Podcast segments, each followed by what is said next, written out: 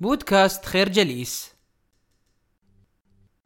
يتناول الكاتب أليكس كيم بانك وهو الباحث والمختص بالثورة الرقمية والحاصل على درجة الدكتوراه في التاريخ وعلم الاجتماع للعلوم من جامعة بنسلفانيا في كتابه استرح لماذا تنجز المزيد عندما تعمل أقل عن الراحة النشطة والتي تتضمن عدد من الممارسات التي يمكننا القيام بها على المستوى اليومي والتطرق إلى تفسير كيف يمكننا استخدام قوة الراحة واللعب للأداء والإنتاجية. وهو كما يصفه الكاتب كتاب عن العمل وهو أيضا كتاب عن الراحة. قد يبدو ذلك متناقضا لكنه يلخص فكرة الكتاب في أن الكثير منا يهتمون بكيفية العمل بشكل أفضل لكننا لا نفكر كثيرا في كيفية الراحة بشكل أفضل.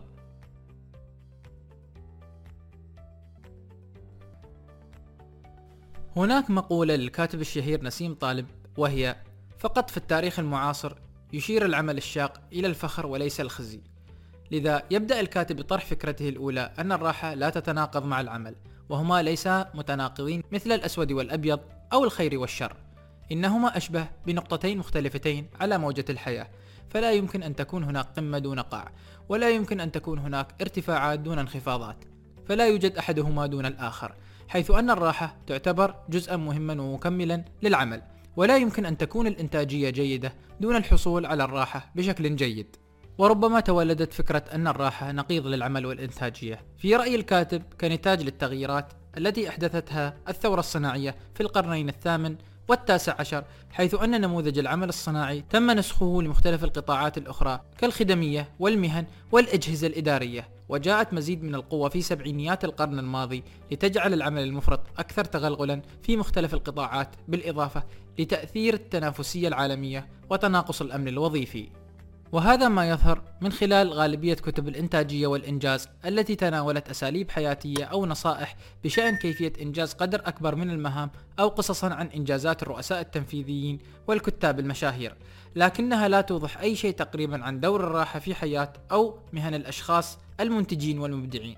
وحين يذكرون الراحة بالفعل يميلون إلى التعامل معها على أنها مجرد ضرورة جسدية أو أمرا ثانويا. وقد أوضحت دراسة أجريت على مجموعة من المبدعين والقادة المعاصرين لاستيعاب مفهوم الراحة في الحياة الإنتاجية. بأن قادة اليوم مع القليل من الاستثناءات يتعاملون مع الضغط والعمل المفرط بأنه وسام شرف ويتفاخرون بشأن قلة نومهم وقلة أيام العطلات التي يقضونها ويتباهون بنشر هذه السمعة مما يدفع أحيانا بأن يتم تقييمنا وفقا لذلك.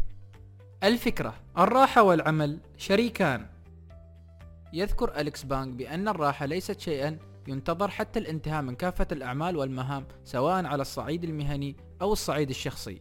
وبأن الإنسان الذي يرغب بالحصول على الراحة فإنه يجب عليه أن يأخذها مع تجاهل كافة الرغبات الدائمة بالانشغال وذلك يكون عن طريق تخصيص وقت محدد للراحة وأخذه على محمل الجد وحماية هذا الوقت الثمين من المحيطين الذين يحاولون الاستيلاء عليه وسرقته على حد وصف المؤلف. ويضرب لنا الكاتب عدة أمثلة على الشخصيات التاريخية مثل تشارلز ديكنز وهنري بوانكاريه وإنجمار بيرجمان. وتشارلز داروين وهي شخصيات عملت في مجالات مختلفة وأزمنة مختلفة ولكنها لم تكن تقضي وقتا طويلا في العمل وكان لديهم فهم يناسب طريقة العمل بعمق مع الحفاظ على التوازن المناسب الذي يربط بين الراحة وبذل المجهود بمعدل خمس ساعات عمل مركزة يوميا كافية لمعظمهم مع فترات راحة مدروسة يقضونها في عدة أمثلة من الأنشطة ومنها التنزه مع العائلة، القيلولة، ممارسة الرياضة أو هواية معينة، أو التوقف عن العمل في الوقت المناسب مع التفكير والتأمل فقط. لقد أجريت دراسة على الحياة العملية للعلماء في أوائل الخمسينيات من القرن الماضي أجراها الأستاذان الجامعيان في علم النفس بمعهد إلنوي للتكنولوجيا وهما العالمان رامون زيلست وويلارد كير وكانت حول عادات العمل والجداول الزمنية لزملائهم مع إنتاج رسم بياني لعدد الساعات التي يقضيها الأساتذة في قسم التدريس مقابل عدد المقالات التي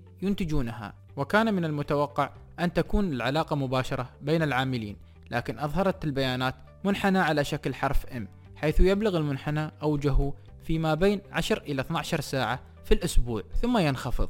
ومن أحد الاستنتاجات التي توصلوا إليها بأن العلماء الذين يقضون 35 ساعة في الأسبوع كانوا منتجين بمقدار النصف عن زملائهم الذين يقضون 20 ساعة في الأسبوع.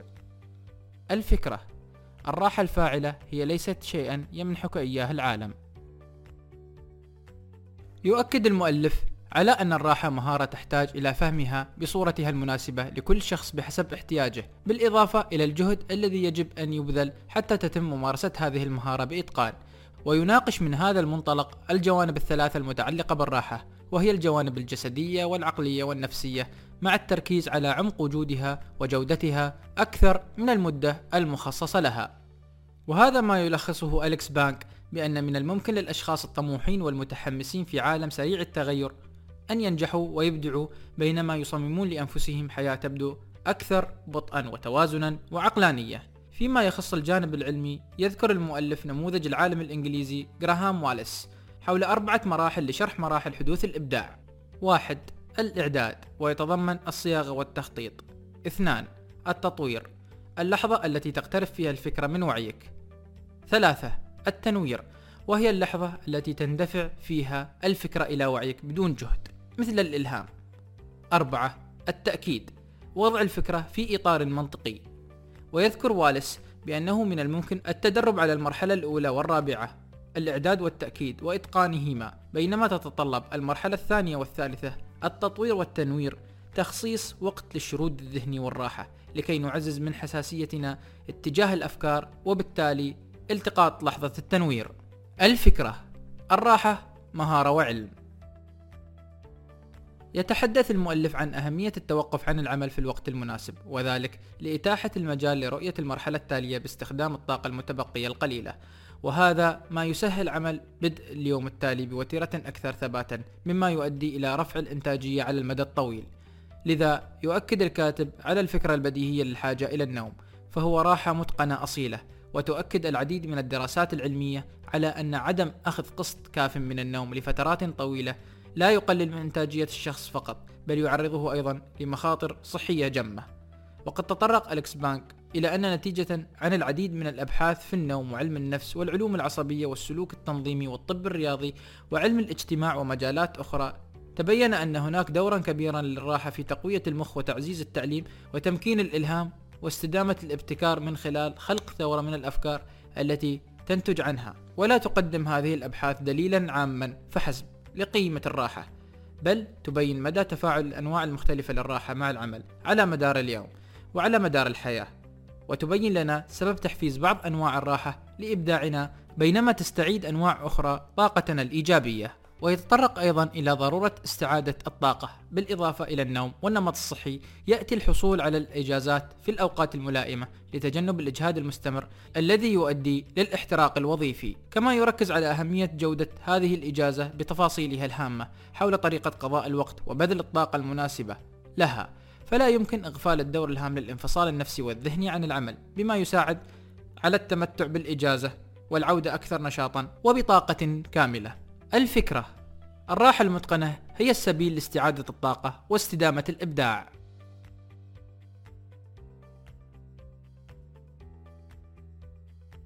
نشكركم على حسن استماعكم. تابعونا على مواقع التواصل الاجتماعي لخير جليس. كما يسرنا الاستماع لآرائكم واقتراحاتكم. ونسعد باشتراككم في البودكاست.